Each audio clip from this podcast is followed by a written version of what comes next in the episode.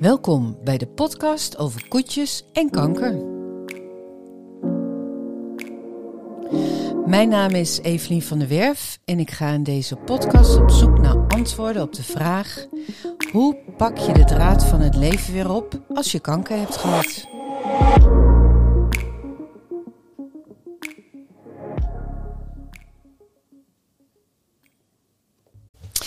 Vandaag zit bij mij aan tafel Barbara Kerstens. Zij is programmadirecteur van Voeding Leeft. Hartelijk welkom. Dankjewel. Wat is Voeding Leeft?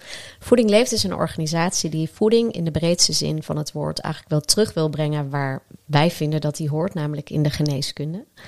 En wij ontwikkelen leefstijlprogramma's voor mensen met een chronische aandoening.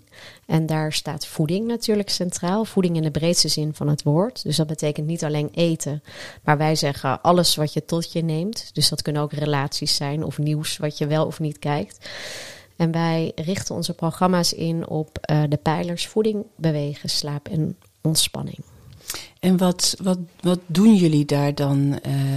Uh, hoe ziet dat eruit? Zo'n programma? Ja? Ja, wij maken dus verschillende programma's. Vanuit de wetenschap ontwikkelen wij uh, programma's. Van de wetenschap die we weten over een bepaalde chronische aandoening. En dat kan eigenlijk iedere chronische aandoening zijn waarvan we weten of waarvan er uh, lichte aanwijzingen in de wetenschap zijn dat er een relatie is tussen leefstijl en die uh, aandoening. En daar ontwikkelen wij een uh, programma, doen wij met onderzoek. Dus dat doen wij met academische ziekenhuizen die onderzoeken dat.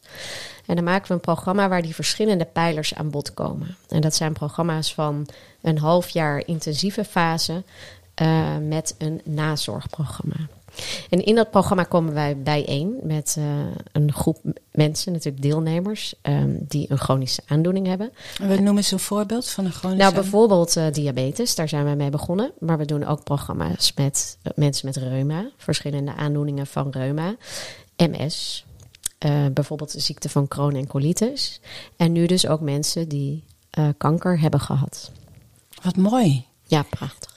Want je zegt, uh, we willen de voeding terug in de spreekkamer. Uh, nou, lijkt mij een fantastisch idee. Want ik verbaas me inderdaad ook dat je nooit advies krijgt over. je krijgt advies over welke medicijnen je kan slikken, maar niet wat je verder nog in je mond kan stoppen. Hoe kan dat?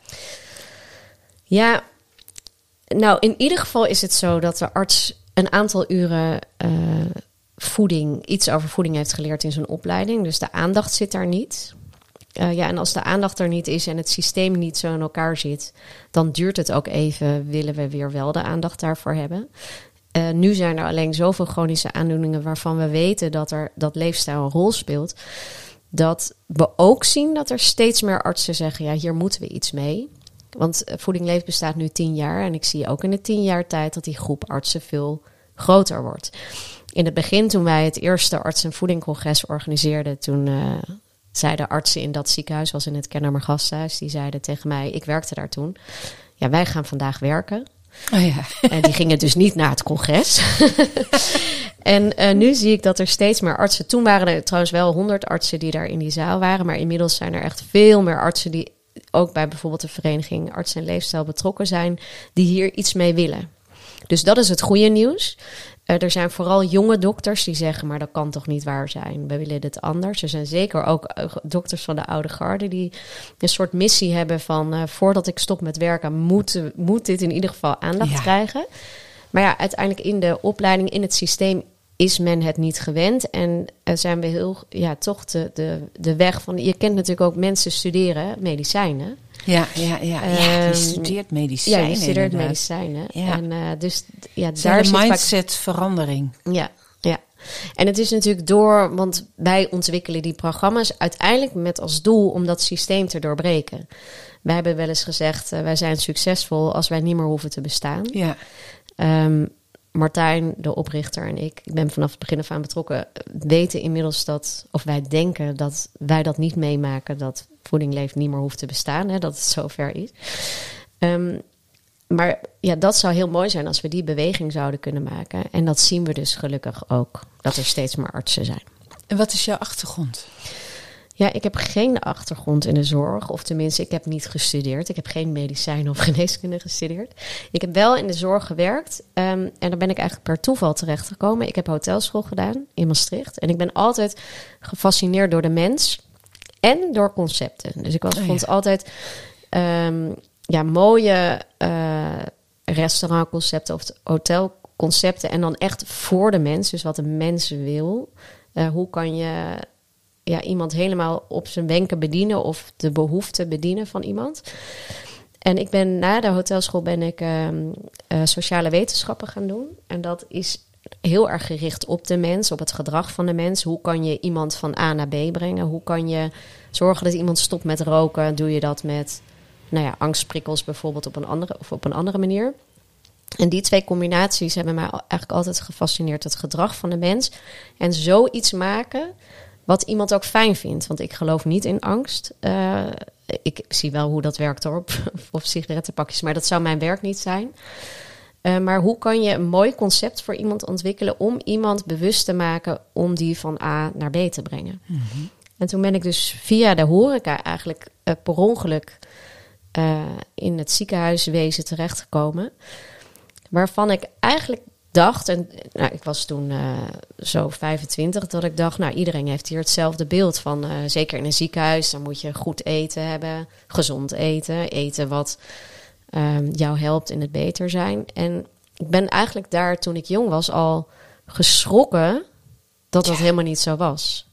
Dus sowieso de horecaconcepten zoals ik ze zag en dacht, oh hier kan je zoiets tofs neerzetten. Ja. Dat was er niet. Nee. En wat er ook niet was, dat we überhaupt gezonde voeding deden. En die twee, nou, dat vond ik zo fascinerend dat ik daar verder in ben gegaan en ook merkte dat ik daar toegevoegde waarde had. Dus zo ben ik in de zorg gerold. Ja. Nou, het is inderdaad dat je sowieso als bezoeker eh, het café of het restaurant ingaat, dat je denkt: oké, ehm, dit is eigenlijk allemaal fastfood of zoet en suiker en, en heel zout of, of vet.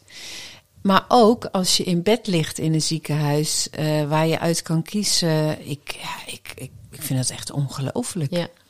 ja, ik vind dat ook echt ongelooflijk dat ik denk, huh, maar zo ingewikkeld is het toch niet? Nee, en het is En- ook niet duurder of nee, zo. Nee, ja, dat wordt wel gezegd. Ik heb menig discussie gehad met eh, nou ja, verschillende lagen in de organisatie. Waaronder weet ik nog een keer een facilitair directeur ehm, in het ziekenhuis waar ik werkte. En die zei, dan had ik een gesprek over het assortiment. Dat ging nog dus over de, het, het bezoekersrestaurant. Hè? Want er zijn natuurlijk verschillende lagen over het bezoekersrestaurant. En dan hadden we het over, het gaat heel vaak over de kroket. En die zei, maar weet je wel hoe winstgevend een kroket is? En, die, en toen dacht ik, ja, maar ik, wij kunnen ook verder niet praten. Want als het hierover gaat, ja, ik geloof daar niet in. Ja, maar is dat niet gelijk ook het probleem, met alle respect naar de medische zorg, dat het inderdaad een verdienmodel is, ehm, wat wel betaald moet worden, uiteraard? Ja, ik weet niet, ik weet niet of dat de drijfveer in ziekenhuizen is. Dat is niet zoals ik het heb gezien. Mhm. Maar ik weet ook niet of er voldoende kennis of. Inmiddels verandert er wel iets daar hoor. Maar als Ja. ik dus kijk zo 15 jaar geleden... weet ik niet of ze daar of dat we daar de kennis hadden om het anders te doen. Ik denk inmiddels dat die er wel is. Ik denk dat er prachtige ook cateringbedrijven zijn die laten zien dat het anders kan. Maar bij heel veel dingen geldt natuurlijk, en dat denk ik wel dat in het zorg in het algemeen is, als je binnen een bepaald hokje kijkt en niet bereid bent, en dat bedoel ik wel met respect, dus ik moet het misschien iets anders formuleren. Als je niet uit dat hokje kan kijken, ja, dan zal je dus het hebben over de winstgevendheid van een kroket. Ik weet zeker dat ook die facilitair directeur echt niet op was dat alles winstgevend moest zijn, want zo zit een ziekenhuis niet in elkaar. Nee, nee, nee. Wat ik wel zie is dat het ook natuurlijk wel om geld. Er draait heel veel om geld. Er wordt daar ontzettend veel gekort. Er wordt heel veel gesneden. Ook op een bepaalde manier. Er moet elk jaar moet er weer af, af, af. Ja. Ja, en ik denk dat we daar wel constructiever naar kunnen kijken. En dat gaat voor de ziekenhuizen, maar dat gaat ook over de verzekeraars die steeds eh, korten. Ja, ik zou het heel mooi vinden als we met elkaar constructief kunnen kijken. Hoe gaan we die gezondheidszorg met dat gigantische probleem met zoveel mensen die ziek zijn en zoveel miljoenen, miljarden euro's die dat kost, hoe kunnen we dat anders aanpakken? Dus daarom, eh, dat is eigenlijk de drijfveer om het leefstijlprogramma eh, om leefstijlprogramma's te maken Ja. voor jullie. Ja, want wat we doen is, we, we ontwikkelen dus dat programma. Daar hopen wij mensen mee te helpen. Nou, dat zien we in het algemeen. Want dat hoe dat lang doe je dit al voor mensen na kanker? En ja, net eigenlijk. We zijn daar ehm, twee jaar geleden met eh, Radboud eh, eh, in contact gekomen. eh Radboud Medisch Centrum. En dan de... dat ken ik. Ja, en dan specifiek dus de organisatie Beter Gezond, die daarbij bij betrokken is. En wat eh, is beter gezond? Beter Gezond is een organisatie die dus ja, ehm, leefstijl bekend wil maken of breder uit wil zetten voor ehm, mensen met kanker. En dat is dus in het Radboud ziekenhuis Ja. ontstaan. Ja, ja dat is natuurlijk fantastisch. Ja. En dat, daar, daar, dat, dit is, is zo mooi dat je zoveel prachtige initiatieven... want we kunnen het hebben over hoeveel het niet gebeurt... en daar kunnen we een hele podcast over op, op eh, maken. Maar waar ik zo blij van word... is de mensen die bijvoorbeeld achter deze organisatie zitten... die zeggen het moet anders. En wij gaan gewoon de handen uit de mouwen steken. En die zitten dus in het veld... Ja. Misschien wel in het hol van de leeuw en die zeggen we gaan het anders doen. Want in deze wereld van kanker is het nogal wat als je zegt we gaan aan leefstijl werken. Mhm. En dat vind ik bewonderenswaardig. En dat zie ik op heel veel eh, vlakken bij heel veel eh, artsen steeds meer gebeuren. Die de handen opstropen en ook durven het anders te doen. Ja, want ik eh, las inderdaad dat jullie ehm, dit leefstijlprogramma na kanker doen. Wat is daar de reden van? Niet tijdens de kanker al. Ja, dat zouden we dolgraag willen. Maar we doen eerst deze en dan Oh, kijken, kijken naar of het de kans op recidief, want daar is in de wetenschap is daar hè, lijk- lijken daar ja, precies lijken daar aanknopingspunten te vinden. Dus we gaan daar nu naar kijken hoe we de enerzijds de kwaliteit van leven kunnen verbeteren. En anderzijds hopen ook de kans op recidief, recidief te eh, verminderen. Ja, en wat ik vervolgens hoop, en ik weet zeker ook de mensen van Beter Gezond, dat we vervolgens in het traject, want ja, daar is nog wel een wereld eh, te winnen, weet ik. Ehm, ik heb gelukkig niet zelf dit eh, traject meegemaakt, maar net als zoveel zijn we natuurlijk, heel veel mensen zijn geraakt in familie, bij collega's, bij vrienden die dat traject meemaken. Ja, en daar zie ik wel dat er. ehm, Aan wie wil jij het sturen? ik zie dat Siri ook actief is op mijn eh, iPad, sorry. Ehm, ik heb nog even een vraag over wat is dan gezond? Wat, eh, als jij één ding eh, mag noemen qua gezond, wat is nou echt gezond qua voeding? Wat zou je dan zeggen? Ja, dat vind ik een hele leuke vraag. Eh, want je kan natuurlijk heel snel zeggen van gezond is bijvoorbeeld drie keer per dag eten of is heel veel groente eten. En dat is zeker zo. Hè? Dus wij, wij, de insteek is eigenlijk in al onze programma's onbewerkt eten, heel veel groente eten. Dus wel, wij doen ook, ook een beetje vlees, ook een beetje vis, dat soort dingen. Gevarieerd. Ja, gevarieerd. Eh, Gebaseerd op het mediterraan eetpatroon. We eten drie keer per dag en niet zes keer per dag om dat lichaam herstel te geven. Want, Maar- want dat is al heel interessant. Ja, Je ja zegt- hier is, is al menig discussie over. Ja, Ja, of je want- nou drie of zes keer per dag Nou, eten, precies, want je, we zijn in een soort graaswereld eh terecht. Hè? We zijn aan het grazen de hele dag. Even een, een koekje hier en een dingetje daar. En, want waarom is het dan zo belangrijk om maar drie keer per dag te eten? Ja, dat is eigenlijk heel simpel. Ik vind zoveel dingen zijn eigenlijk zo simpel. Hè? En zeker omdat ik niet in, zelf niet in deze... ehm, het mijn vak niet is. Ja, mijn vak is wel gedrags, hè, de, de gedragskanten, eh, veranderkunde, ehm, de gedragswetenschap. Maar niet inhoudelijk, zeg maar, hoeveel keer per dag je moet eten. Daar heb ik allemaal prachtige collega's en wetenschappers omheen. Eh, maar het is eigenlijk zo logisch, en dit is dus ook in de wetenschap te zien, dat als je drie keer per dag eet, dat je dat lichaam rust geeft. Wij zijn niet, ja, tussendoor. Wij zijn niet gemaakt om de hele dag te eten. Ehm, nou, dat kan je helemaal historisch, hè, van eh, helemaal vroeger van miljoenen jaren terug bekijken. Ehm, maar het is zo logisch dat als we dat lichaam en niet de hele dag eten, en zeker niet met de dingen die jij noemt, dat we het lichaam rust kregen, geven en dat we daarmee ook de kans op herstel geven. En dat geldt eigenlijk voor iedere aandoening. Ja. En dan zeggen we, kijk, wat daar ingewikkeld aan is, is dat, nou, er is ooit bedacht dat we dan meerdere keren per dag moeten eten. En daar is de industrie natuurlijk heel erg op ingegaan. Want Zo zit de wereld ook in elkaar. Dus als wij door de supermarkt lopen, dan wordt er heel, bij heel veel in de schappen wordt verteld: oh, eet mij, want dit is gezond. Of uh, nou, Ja. we kennen natuurlijk de soepjes om een bepaalde tijd. Of de repen die je moet eten. Ook als eh, moeders, hoe vaak er dingen wordt geroepen van hoe goed dat voor kinderen is. Ehm, maar als jij een volwaardige maaltijd eet en niet alleen maar op je calorieën let, maar een volwaardige, eh, volle maaltijd eigenlijk neemt, dan he- heb je helemaal geen behoefte om na twee uur weer te eten. Ja, want er is een hele lange tijd is er een soort van hype geweest dat je inderdaad om de paar uur iets Ja, moest eten Ja. om die motor draaiende Ja. te houden. Ja. Ik, ik ken ook ieder dieetboek en eh, ik vind voeding ook wel heel interessant. Ehm, maar dat is dus helemaal niet zo. Het beste Nee, de- is hè, dat Ja. intermittent vasten. Dat is nu ook wel weer. ja dat is nu ook weer een hype, want ehm, dat kan voor sommige mensen werken. Maar wij zeggen eigenlijk, ga nou gewoon drie keer per dag, per dag eten. Dus ontbijt, lunch en avondeten. Dus hoef je eigenlijk niet te vast. te vasten. Dat, voor sommige mensen werkt dat wel zo. Maar laten we nou eerst eens beginnen met ontbijt, middag en avondeten. En dan krijg je dus automatisch dat als jij om zes uur of zeven uur eet... en de volgende morgen om zeven uur ontbijt... dan zit daar al heel veel tijd tussen... Ja. waarop je lichaam weer eh, kans op herstel heeft. En wij zien, en dat, ik zie bij zoveel mensen zeggen... nee, niet drie keer per dag eten. Dat zien we aan al onze programma's. En eh, nou, eigenlijk iedereen zegt... nou, dit viel me zo mee. Of viel me zo mee. Ik heb niet eens zin in iets anders. Dus dat is heel mooi om te zien. Maar even terugkomend op je vraag, als jij zegt gezond, dus ik kan antwoord geven op eh zoveel per dag per eten of wat je dan eet. Maar eigenlijk, als ik in de basis kijk, ja, wat is gezond, is dat jij keuzes maakt die voor jou werken. En jij en ik zijn alle twee anders. Ja. Dus jij hebt andere keuzes dan ik. En wat ik ingewikkeld vind is, nou, jij noemt bijvoorbeeld intermittent fasting. Er zijn zoveel hypes. En de industrie kan daar ook heel goed op inspelen. Of daar kunnen goeroes op inspelen.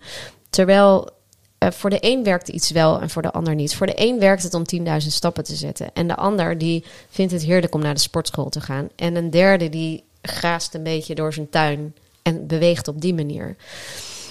En dat is wat wij de mensen in onze programma's leren, is dat zij in de eerste plaats zichzelf op nummer 1 zetten. Dat ze leren voor zichzelf te zorgen.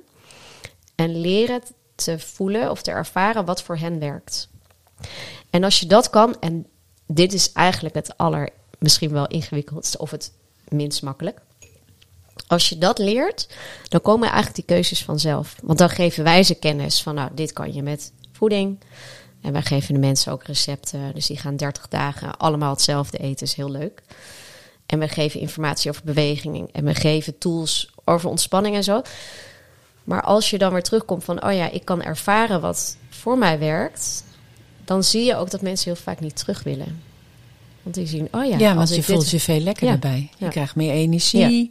Eh, het verteert beter. Je hebt een minder opgezette buik. Of je krijgt geen hoofdpijn meer. Of, of... Ja, en dat zijn allemaal van die dingen. Hè, dus als je het over kwaliteit van leven van eh, mensen voelen gewoon een helderder hoofd, betere concentratie, slapen beter, gaan beter naar de wc, hebben meer energie. Ehm, ja, als je dat al ervaart.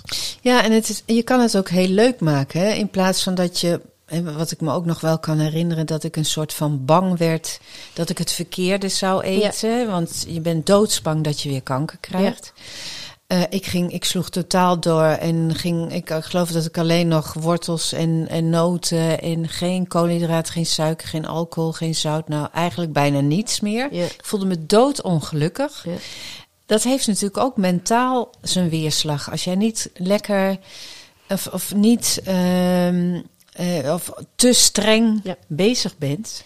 Ja, ik ben het helemaal met je eens. Dus kijk, er zit iets. Er zijn artsen die zeggen: nee, je kan alles eten. Nou, ik denk niet dat het waar is. Ik denk niet dat je alles kan eten. Ik denk niet dat het goed is dat je ehm, allerlei suikers of broodjes. Dat, dat is ook wat je gewoon op het het, menu in het ziekenhuis. ziekenhuis Ja. ziet. Dat, dat, ik geloof niet dat dat. Ehm, nou, is wat je moet doen. Maar wat jij zegt, alleen maar wortels en noten eten, dat is hem ook niet. Nee. En ehm, bovendien is dat helemaal niet lekker en niet Nee, vol te niet- houden. is er is niet helemaal niks leven. aan. Dat Nee. is niet het leven. Dus je- ik denk dat je heel lekker... ik- Wij weten dat we heel lekker kunnen eten. Dus bij ons staat dat echt voorop. Er zijn ook wetenschappers vanuit de gastronomie die betrokken zijn. Dus het is niet alleen maar, ehm, nou zeker niet alleen maar wortels knagen. Maar precies wat jij zegt, je kan dus als je heel erg op een, een strikt dieet gaat en alleen maar wortels, ja, dan kom je in een perfectionisme, wat inderdaad voor je, voor je mentale stuk helemaal niet oké is. Mhm. Dus daar een goede modus in vinden. Daar krijg je stress van. Daar krijg je stress van. Ja. En die, ja, dat zie ik ook bij eh, in de programma's. Ik had een keer was er iemand bij een, bij een ander programma en die, die kwam naar me toe en die zei: Wij leggen wel eens uit, hè, bijvoorbeeld als je eh, een blik bonen of zo eh, in een recept zit. Dan kijk je op het blik bonen wat erin zit en dan liever geen suiker. Ehm, en er was een deelnemer en die was op zoek naar die blik bonen, kon die niet vinden. Dus die ging naar de volgende supermarkt, kon die niet vinden. En die is zo zes supermarkten verder gegaan. En die zei, ja, ik doe alles en het lukt niet. Oh ja. Ja, en als je alles doet en het lukt niet, dan kan je dus wel misschien volledig aan dat eetpatroon houden. Maar als jij heel gestrest Ja. daardoorheen gaat, dat werkt niet. Eh, Ik denk zelfs dat eh, ontspanning een van de belangrijkste Ja. pijlers is. Want als jij heel rustig, ja, ik zeg wel eens voor de grap natuurlijk niet, ik ben helemaal niet voor de McDonald's. Maar als je, wat is erger? Eh, heel rustig McDonald's eten of heel gestrest en gezonde maaltijd. En daar zit, het is natuurlijk niet zwart-wit, maar die is wel interessant. Nou, dat is vanuit de Chinese geneeskunst, is dat waar ik ook heel erg geïnteresseerd in ben, omdat ik ook zoveel in het Verre Oosten heb rondgescharreld. Eh, dat dat inderdaad zo is. Dat je eh, beter één keer ontzettend heerlijk kan genieten van zo'n Mac-menu. Eh, Als je dat lekker vindt. als je dat lekker zou vinden. Want Ja. ik ben inderdaad Nee, ik ook ook niet. Ik vind het niet lekker. Maar... niet lekker. Ik Nee. vind een, een, een frietje vind ik wel heel erg lekker. Kan ik ook heel erg van genieten. Maar eh, dan dat je inderdaad helemaal gestrest eh, aan je wortels en je noten Ja. zit te knagen. En iedere keer een smoothie en weet ik wat voor ellende moet Nee, maken. precies. Dan ga je op een andere manier door het leven. Dus wij proberen, zeker in het begin van het programma, vragen we ook iedereen: hè, probeer je nou 100% eraan te houden. Eh, maar op een gegeven moment, het- dit is een- voor ons is het een eetpatroon of een leefpatroon voor altijd. Dus we beginnen met voeding en we- daarna hebben we ook de andere pijlers. Het gaat over een leefpatroon voor altijd. Maar voor altijd moet het dus ook, moet je dat altijd ook willen kunnen doen. En dan werkt een 80-20% regel heel goed. Dus als jij een keer een frietje wil eten, Doe het lekker. doe het. Maar geniet er dan ook van. Ja. En, Eh, en proef dan ook hoe lekker. En ga dan eh, naar de lekkerste frietkraam die jij. En, en, en, en neem het ervan. Of als je een keer een glas wijn wil nemen. En dat zou ik zeker niet in het begin van het programma. En ik zou het ook niet aanraden als je in een, eh, in een traject zit met kanker. Maar als je het een keer wil drinken, geniet er dan van. Terwijl als je heel erg gaat vasthouden aan iets, dan, dan is de kans dat je dan daarna het helemaal niet doet en helemaal daar vasthoudt, is de kans dat je vervolgens een fles wijn opentrekt en hem helemaal. Nou ja, je, je kunt Ja, ik, eh, ik weet precies wat je bedoelt. Hey, even nog terug naar ehm, ehm, die relatie. Er is een dus eh, eh, vanuit de wetenschap, vanuit het Radboud ook aangetoond dat er een relatie is tussen een gezondere leefstijl en het niet terugkeren van kanker. Ja, er is dunne wetenschap voor. En wij hopen met dit onderzoek, dus dat we samen met, met de Radboud doen, hopen we dat we dat meer kunnen aantonen. Ja, dat zou natuurlijk fantastisch zijn. Want, Want, want is dan de conclusie ook dat je kanker kan krijgen door een verkeerde leefstijl? nou, die wil ik niet zo zwart-wit zeg maar beantwoorden. Want ehm, er spelen veel meer factoren. Dat is natuurlijk een, we, we hebben het over. Eigenlijk wat er gebeurt als je ziek bent, is je lichaam niet in balans. En het is interessant om te kijken waarom is dat lichaam niet in balans. En daar heb je natuurlijk gewoon je genen. Daardoor kan dat komen. Maar het is heel vaak bij ziektes dat er iets wordt aangezet. En ik zeg dat, eh, ik zeg, ik heb geen medische achtergrond, dus ik zeg dat even in leken, lekentaal.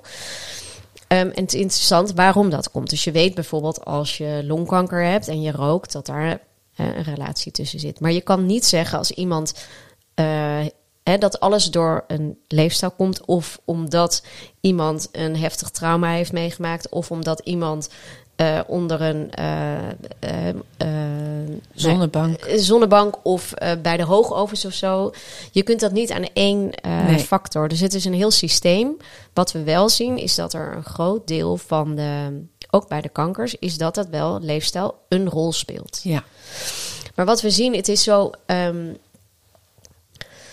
ja, je komt zo snel op een soort van de schuldvraag. Hè? Dan zeg je dan dat doordat ik bijvoorbeeld ook bij MS.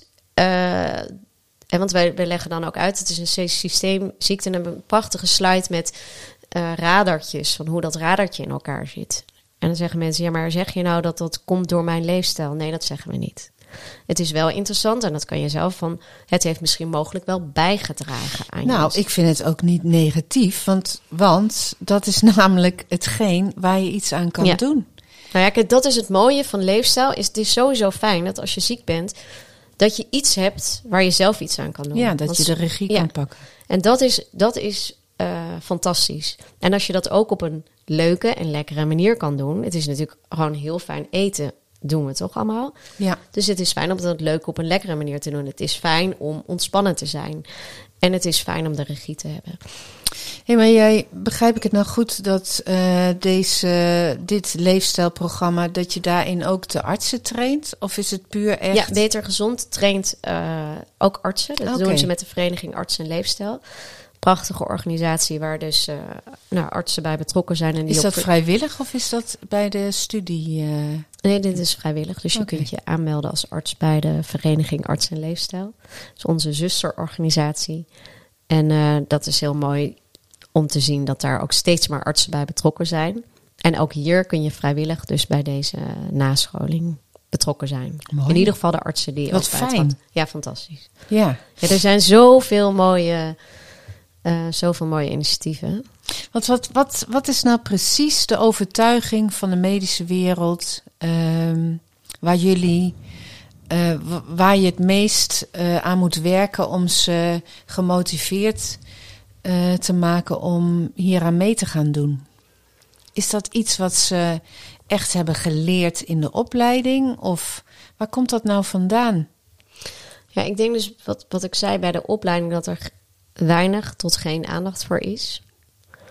Ik denk ook bij kanker dat mensen niet. Ik, ik weet het niet, hè? Ik weet niet Nee. wat erin. Nee, maar dat vraag Maar- ik me ook af. Ja, maar ik denk dat het ook is. Kijk, mensen, ik sowieso, artsen hebben vanuit een bepaalde passie voor een vak gekozen. Die zijn niet eh, vanuit geld, want dan had je wel een ander vak gekozen. hè? Ja. Ehm, dus dit zijn mensen die allemaal een passie hebben, die ook echt gericht zijn op mensen en die mensen beter willen maken. Dat, daar ben ik heilig van overtuigd. Wat ik ook zie is dat eh, die in een bepaalde structuur en hiërarchie terechtkomen en ook op een bepaalde manier denken. Ehm, en ik denk de manier hè, hoe, hoe we getraind zijn of, waar, eh, of hoe artsen getraind zijn en wat er allemaal bekend is. Ja, als dat waar is, is het ingewikkeld om wat er nog niet onderzocht is. Of waar nog niet voldoende bewijs is om dat als waar te vinden. Eh, ik denk bij kanker, maar ik zie het ook, ik heb het ook bij MS gezien, dat mensen niet valse beloftes willen geven. Mhm. Of dat er dingen gebeuren die, hè, je ziet nu ook wel, als jij zei het van de wortels en de, en de noten. Nou, nu weet ik niet of dat heel erg kwaad kwam. Maar je ziet ook wel eens mensen die gewoon potjes kurkuma slikken. Of eh, hele gekke dingen doen, omdat er allerlei dingen op internet zijn. Ik Modder, modder drinken. Van alles. dus echt van alles. En ik snap dat artsen daarvan denken: ja, maar dit is gewoon waanzin. Wat zijn we aan het doen? Dus er is ehm, tussen modder, modder drinken, ik, ik ken hem niet, en potjes kurkuma slikken en alleen maar medicijnen. Er zit natuurlijk een wereld tussen. En daarvoor heb je je ook open te stellen en te kijken van hé, hey, wat is er nog meer? En gelukkig zijn er heel veel steeds meer artsen die dat doen. Maar ik denk dat dat dus ook iets heeft van, maar ik wil jou niet een belofte. Want zeker bij kanker, dat gaat over iets heel serieus. Ehm, zij weten dat dat, nou, dat medische traject eh, zo Maar- goed... Aan de andere kant is het ook niet eh, juist eh, niet zozeer een belofte, maar ook een beetje het placebo-effect. Als je denkt dat je met iets heel gezonds bezig bent, Ja. dan word je vaak ook Ja. gezonder. Nou ja, dat is heel interessant hiervan natuurlijk. Eh, Sowieso, ik, ik, denk dat het goed is als je de goede ehm, voedingsmiddelen naar, naar, hè, tot jou neemt, dat dat beter effect heeft voor je lichaam dan dat je allemaal zo naar binnen werkt. Maar het feit is, er is, ja, het feit is wel dat de mind natuurlijk wel meewerkt. Dus als jij heel erg gelooft dat iets werkt. Ja, wij zeggen ook wel eens, ja, nou, al is het placebo, dan is het placebo, maar dan is dat toch ook oké. Ja. Ehm, Ja, ik weet het niet. Ik, ik vind het heel mooi, de artsen die... En wat ik zei, dat zijn dus ook vooral hè, veel jonge artsen ook, die zeggen... Vaak ook, het kan ook best zijn dat die door een eigen ervaring, hè, door misschien zelf ziek te worden, door in hun omgeving, uh, door nou welke reden dan ook. Dat zie ik ook bij de mensen waarmee wij werken, die hebben allemaal een verhaal.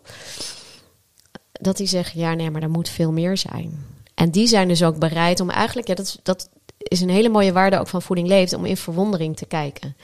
Wij weten ook niet wat goed of fout is. Wij zien alleen van ja, maar alleen maar ja, als je uh, alleen maar richt op de chemo, op een operatie, op bestraling, whatever, of hormoontherapie of en en en. Ja, wij denken dat er wel veel meer mogelijk is. En um, nou, ik denk dat het heel mooi is als er artsen zijn die zich daarvoor openstellen. En dat zijn artsen die dat doen. Ik weet ook dat er artsen zijn die dat niet doen. Ja, die het zelf zeggen dat het de reinste onzin ja, is. Ja, die worden zelfs daar boos van dat ja. uh, mensen beweren. Dus daar is ook nog wel een wereld te winnen. En dat is binnen de oncologische zorg, maar dat zie ik ook op alle fronten. Dus ja, er zijn heel veel artsen die zich steeds meer gaan openstellen. En dat is fantastisch. Daar werken we ook heel graag mee. Um, en er zijn ook artsen die zeggen, nou, wat een onzin en wat een... Nou, die... nou ja, je kan het ook zien als een olievlek. Ja. He, je begint ergens ja. dingen... Als je een sluis open doet, dat kost enorm ja. veel moeite. Maar als die eenmaal open is, dan stroomt het weer. Ja, en gelukkig hebben wij dus ook als Voeding Leeft heel veel geduld. Nou ja, eigenlijk zijn wij heel ongeduldig. Maar we hebben wel heel veel geduld, want we, want we zijn er nog. En ja. in tien jaar tijd... Um, Heb je ook veel bereikt. Ja, eigenlijk wel. En soms denk ik ook, kom ik dingen tegen, denk ik, dit geloof je gewoon niet. Hoe, nou, wij noemen het echt zo'n zeecontainer die je heel langzaam in beweging, echt waar ja. jaren, hè, ook met het diabetesprogramma, wat we hebben, keer diabetes om, hoe lang het duurt om dat echt substantie te geven. Um, maar gelukkig, ja, er gebeurt wel iets. Ja, fantastisch. Ja. Nou, en ik denk dat heel veel mensen ook geïnspireerd raken. Dat ze denken, hé, hey, maar wat kan ik dan ja. doen? En hoe zit dat ja. eigenlijk bij mij? Ik ga ook uh, altijd onder de podcast alle informatie delen. Dus waar de website en zo, om verder uh, ook uh, te snuffelen. Leuk.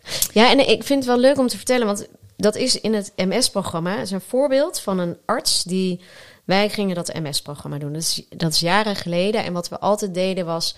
Uh, dus we werken altijd met een gerenommeerd onderzoeksinstituut, het liefst een academisch uh, ziekenhuis. En we werken natuurlijk ook met artsen. Uh, wij werken zelf met artsen, maar dan ook artsen in het veld.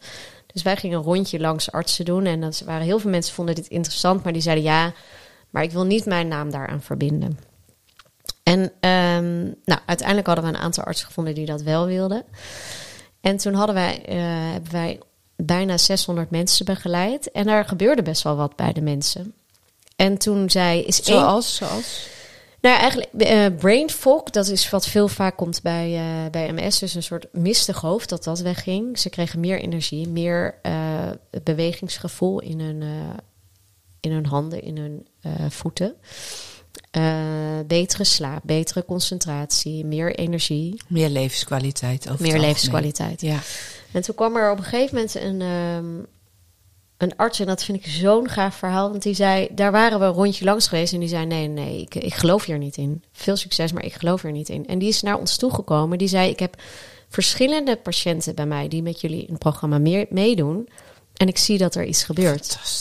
En deze, en dat vind ik zo mooi, want je mag ook erop terugkomen dat je zegt, ik geloof er niet in, maar dan wel ziet van, oh wacht even, ik zie daar zes, zeven, acht patiënten dat die, er in ieder geval iets gebeurt. En die zei toen op een gegeven moment heel mooi, die zei, als ik nu een filmpje zou maken en die mensen zouden vertellen van, nou, dit heeft het gedaan, dat heeft het gedaan, en ik zou het woordje voeding wegbliepen, zeg maar zo'n blur overheen doen. En ik zou dit aan andere artsen laten zien en die zouden denken dat het over medicatie zouden, zou gaan, dan zouden we allemaal zeggen fantastisch. En dat is zo, dat vind ik zo mooi. Um, ja, hoe we dus ook zo die olievlek. Maar dus, dat hebben jullie gedaan, neem ik aan. Ja, dit, ja, ja, ja. Hij laat dit nu ook zien. Hij laat nu filmpjes zien. Dan haalt hij zo voeding weg. En, uh, ja, of en dat je het inderdaad presenteert als een of andere nieuwe ja. methode. Ja. En dat je dan achteraf vertelt van nou, het is Ja. gewoon een kwestie van. De, want jullie hebben vier pijlers: voeding, slaap, beweging, ontspanning. Ja, klopt. Ja. En kan je wat meer vertellen over eh, ontspanning? ja, dat is mijn favoriet. Oh, lekker. ja. Nee, ik, ja. Wat ik ook al zei, hè, van, ehm, het is zo belangrijk dat als je eet, dat je dat ontspannen doet. Hoe eet jij? Ontspannen? Je hebt drie kinderen. Ja, ik heb drie kinderen. nou, ik, sowieso neem ik s'morgens altijd de tijd, want ik heb, uh, ik heb een hele leuke baan waar ik ook de hele dag mee bezig ben. ben. Uh, sta ik voldoende vroeg op om uh, lekker te koken. Dus ik heb vanmorgen bijvoorbeeld, want ik ben vandaag wat later thuis, heb ik vanmorgen gekookt voor vanavond. En daar neem ik ook echt de tijd voor, dus voor dat koken van vanavond, maar ook s'morgens tegen de jongens. ik heb twee pubers. Nou, de, die jongste noemt zichzelf ook al puber, dus zeg maar drie pubers. Um, vraag ik ook wat ze willen eten. Maak eitjes, eten we samen aan tafel. Um, dat vind ik al heel belangrijk, dat je samen eet. En dat je echt de tijd neemt, want hoe vaak gaat er s'morgens zo... Of er wordt niet gegeten, zie je natuurlijk heel veel bij kinderen. Of zo heel snel iets naar binnen gepropt. Dus daar begint het, dat we de tijd nemen met elkaar en dan ook lekker eten. Nou, zij vinden dan een eitje. In het weekend doen we uh, echt uitgebreid uh, ontbijten we dan met elkaar. En ja, ik hou heel erg van koken. Ik heb dat van mijn uh, moeder meegekregen. Ben ik ontzettend dankbaar voor. En ik heb natuurlijk ook op de hotelschool daar een en ander van meegekregen. Dus ik kook heel erg veel. En koken is voor mij ook een, eigenlijk een enorme ontspanning. Um, dat kan ik niet altijd door de week uh, doen, maar in het weekend kook ik heel veel. Dus maar je hebt pas eigenlijk je schema daarop aan, dan ja. sta je gewoon eerder op. Ja. En je ja. plant. Goed eten is ook plannen. Ja. ja, en dan kan je dus ook van. Um, je kunt. Want wij, in Nederland zijn wij zo gewend om boterhammetjes mee te nemen. En er is helemaal niks mis met brood. Maar de hele dag brood eten, is, uh, daar zijn we niet voor gemaakt. Dus voor de lunch is het een heel goed idee als je bijvoorbeeld een soep met een stukje brood of een salade met een stukje brood eet. Dan zeggen mensen, ja, maar hoe, uh, hoe doe ik dat dan? Maar je kan zoveel dingen, je kan het gewoon meenemen. Je hebt daar inderdaad alleen wel even iets voor te maken. Want een boterham met kaas, even boter erop en kaas en zo dubbel klappen en in een aluminiumfolie is inderdaad makkelijker. Maar als je dit in je systeem uh, ja, anders doet. Dat leer je ook in het. Ja, en dat leer je ook in het programma. En um, wat ik het mooie vind, de mensen waar ik mee werk, want uh, ik, ik sta zelf ook op dit programma, vind ik ook altijd heel leuk bij nieuwe programma's, uh, doe ik zelf de moderatie. Uh, maar alle mensen, wij werken met 70 mensen die op verschillende programma's werken, die weten ook allemaal zelf hoe dit werkt. Dus die zijn niet alleen maar vertellen, niet alleen maar kennis van zo zoveel keer per dag eten of je moet heel veel groente eten, maar die weten zelf ook die praktische dingen. Dus die doen dit ook allemaal zelf en die eten ook allemaal zelf. En die, zijn ook allemaal ontspannen. Wil niet zeggen dat we de hele dag super zen zijn. Hè? Want wij kunnen ook wel eens uh, dat het. Uh, nou, dat je hartslag wat sneller gaat. Nee, precies. Want dat zeggen wij ook. Hè, wij, zijn, wij, zijn niet per, wij zijn niet perfect. Uh, wij weten wel hoe het is om te leven. En wij zijn de mensen voorgegaan. de een is ook ziek geweest, de ander niet. Um, maar wij zijn ook bereid om steeds te experimenteren. Dus ook in ontspanning kan ik. Ja, wat doe ik zelf aan ontspanning? Ik sta dus vroeg op voor het koken. Maar ik doe elke ochtend, vind ik dus heerlijk. En dat zeg ik niet dat de mensen dit allemaal moeten doen. Maar ik vind dat heel fijn. Is uh, yoga. En dat doe ik uh, tussen de 10 minuten. Ik heb nu weer een nieuwe yoga ontdekt. Uh, met een video, online video. Um, tussen de 10 minuten en soms ook een half uur. Hangt een beetje van de tijd. En um, vaak, ik vind een ontspanningsoefening ook altijd fijn. dat kun je ontspanning noemen of uh, ademen of meditatie. Je kan allerlei vormen kan je daarvan doen.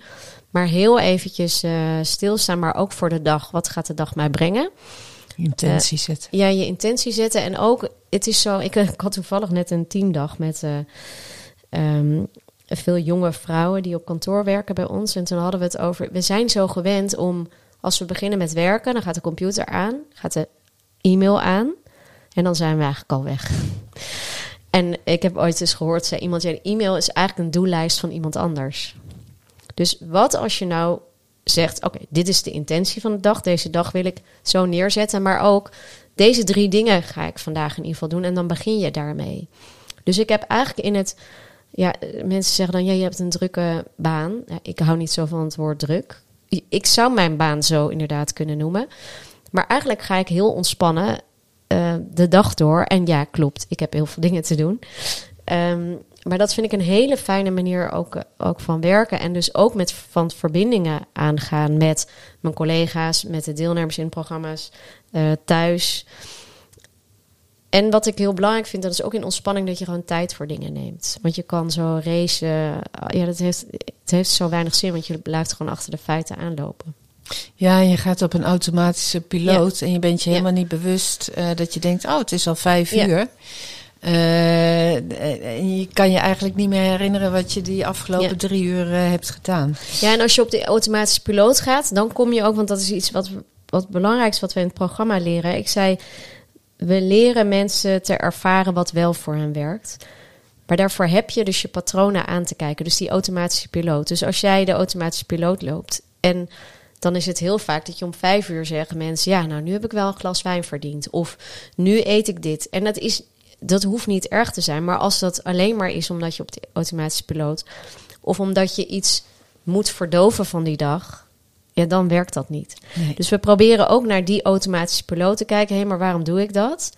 En die ook te doorbreken. En dat is soms ehm, is dat heel makkelijk. Bewustwording. Ja, en soms is dat heel onaangenaam. Want als je erachter komt waarom je eigenlijk dat glas wijn drinkt. En dat, dat, eigenlijk, dat je eigenlijk helemaal niet eens meer proeft waarom dat is. Of waarom je per se, nou ja, wat dan ook neemt. Of chocola. of chocola. Of, uh, ja, dan kan dat soms ook best wel onaangenaam zijn. Want daar, daar kunnen dus ook behoorlijk wat emoties uh, bij komen kijken. Ik wil nog even heel kort tot slot, want we zijn al 40 minuten aan het ah, praten. Ja. Um, stel dat er nu mensen zijn die zeggen: Ik wil meedoen. Ja. Uh, wie kunnen eigenlijk deelnemen? Dat zijn mensen die uh, kanker hebben gehad met blaas, darm en borstkanker. Um, en, en klaar zijn met de behandeling. En klaar zijn met de behandeling. Maar kun je bijvoorbeeld ook na twee jaar nog meenemen? Of is het echt. Uh... Nee, het is iets korter. Iets korter. Het is iets korter. Uh, maar voor meer informatie kan je daarvoor naar uh, voedingleeft.nl en dan het leefstijlprogramma.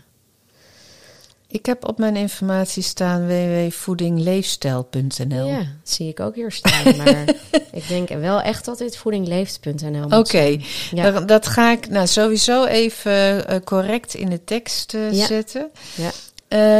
Um, heb jij tot slot nog een laatste ja, tip? Als je nou denkt, ik moet nu uh, die, die, nou niet dat, dat glas wijn, maar de hele fles hebben. Wat kan je dan doen om jezelf uh, te bedwingen? Zo, dit vind ik wel een hele grote vraag. Ik zou sowieso, als je als je, je aangeroepen voelt, je kunt meedoen met dit, met dit programma. Je kunt je inschrijven tot 1 april. We starten op 7 april. En het mooie is, dit is de laatste groep van een uh, onderzoeksgroep. Wat nu gefinancierd is door, het, uh, door de AFAS Foundation. Um, het is namelijk. Het is niet zo simpel om te zeggen: oh, dan moet je dat doen.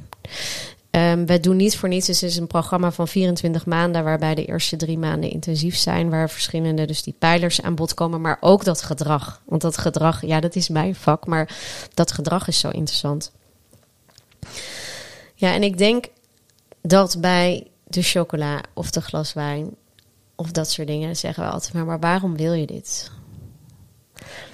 En heel vaak is het dus gewoonte. Ik, ik weet van thuis uit ook, was het gewoonte om dan zo te drinken. Of dan werd er gezegd, ja, dat omdat ik zo'n lange dag... Het is zo gezellig. ja, of het is zo gezellig. Maar die vind ik ook best wel ingewikkeld.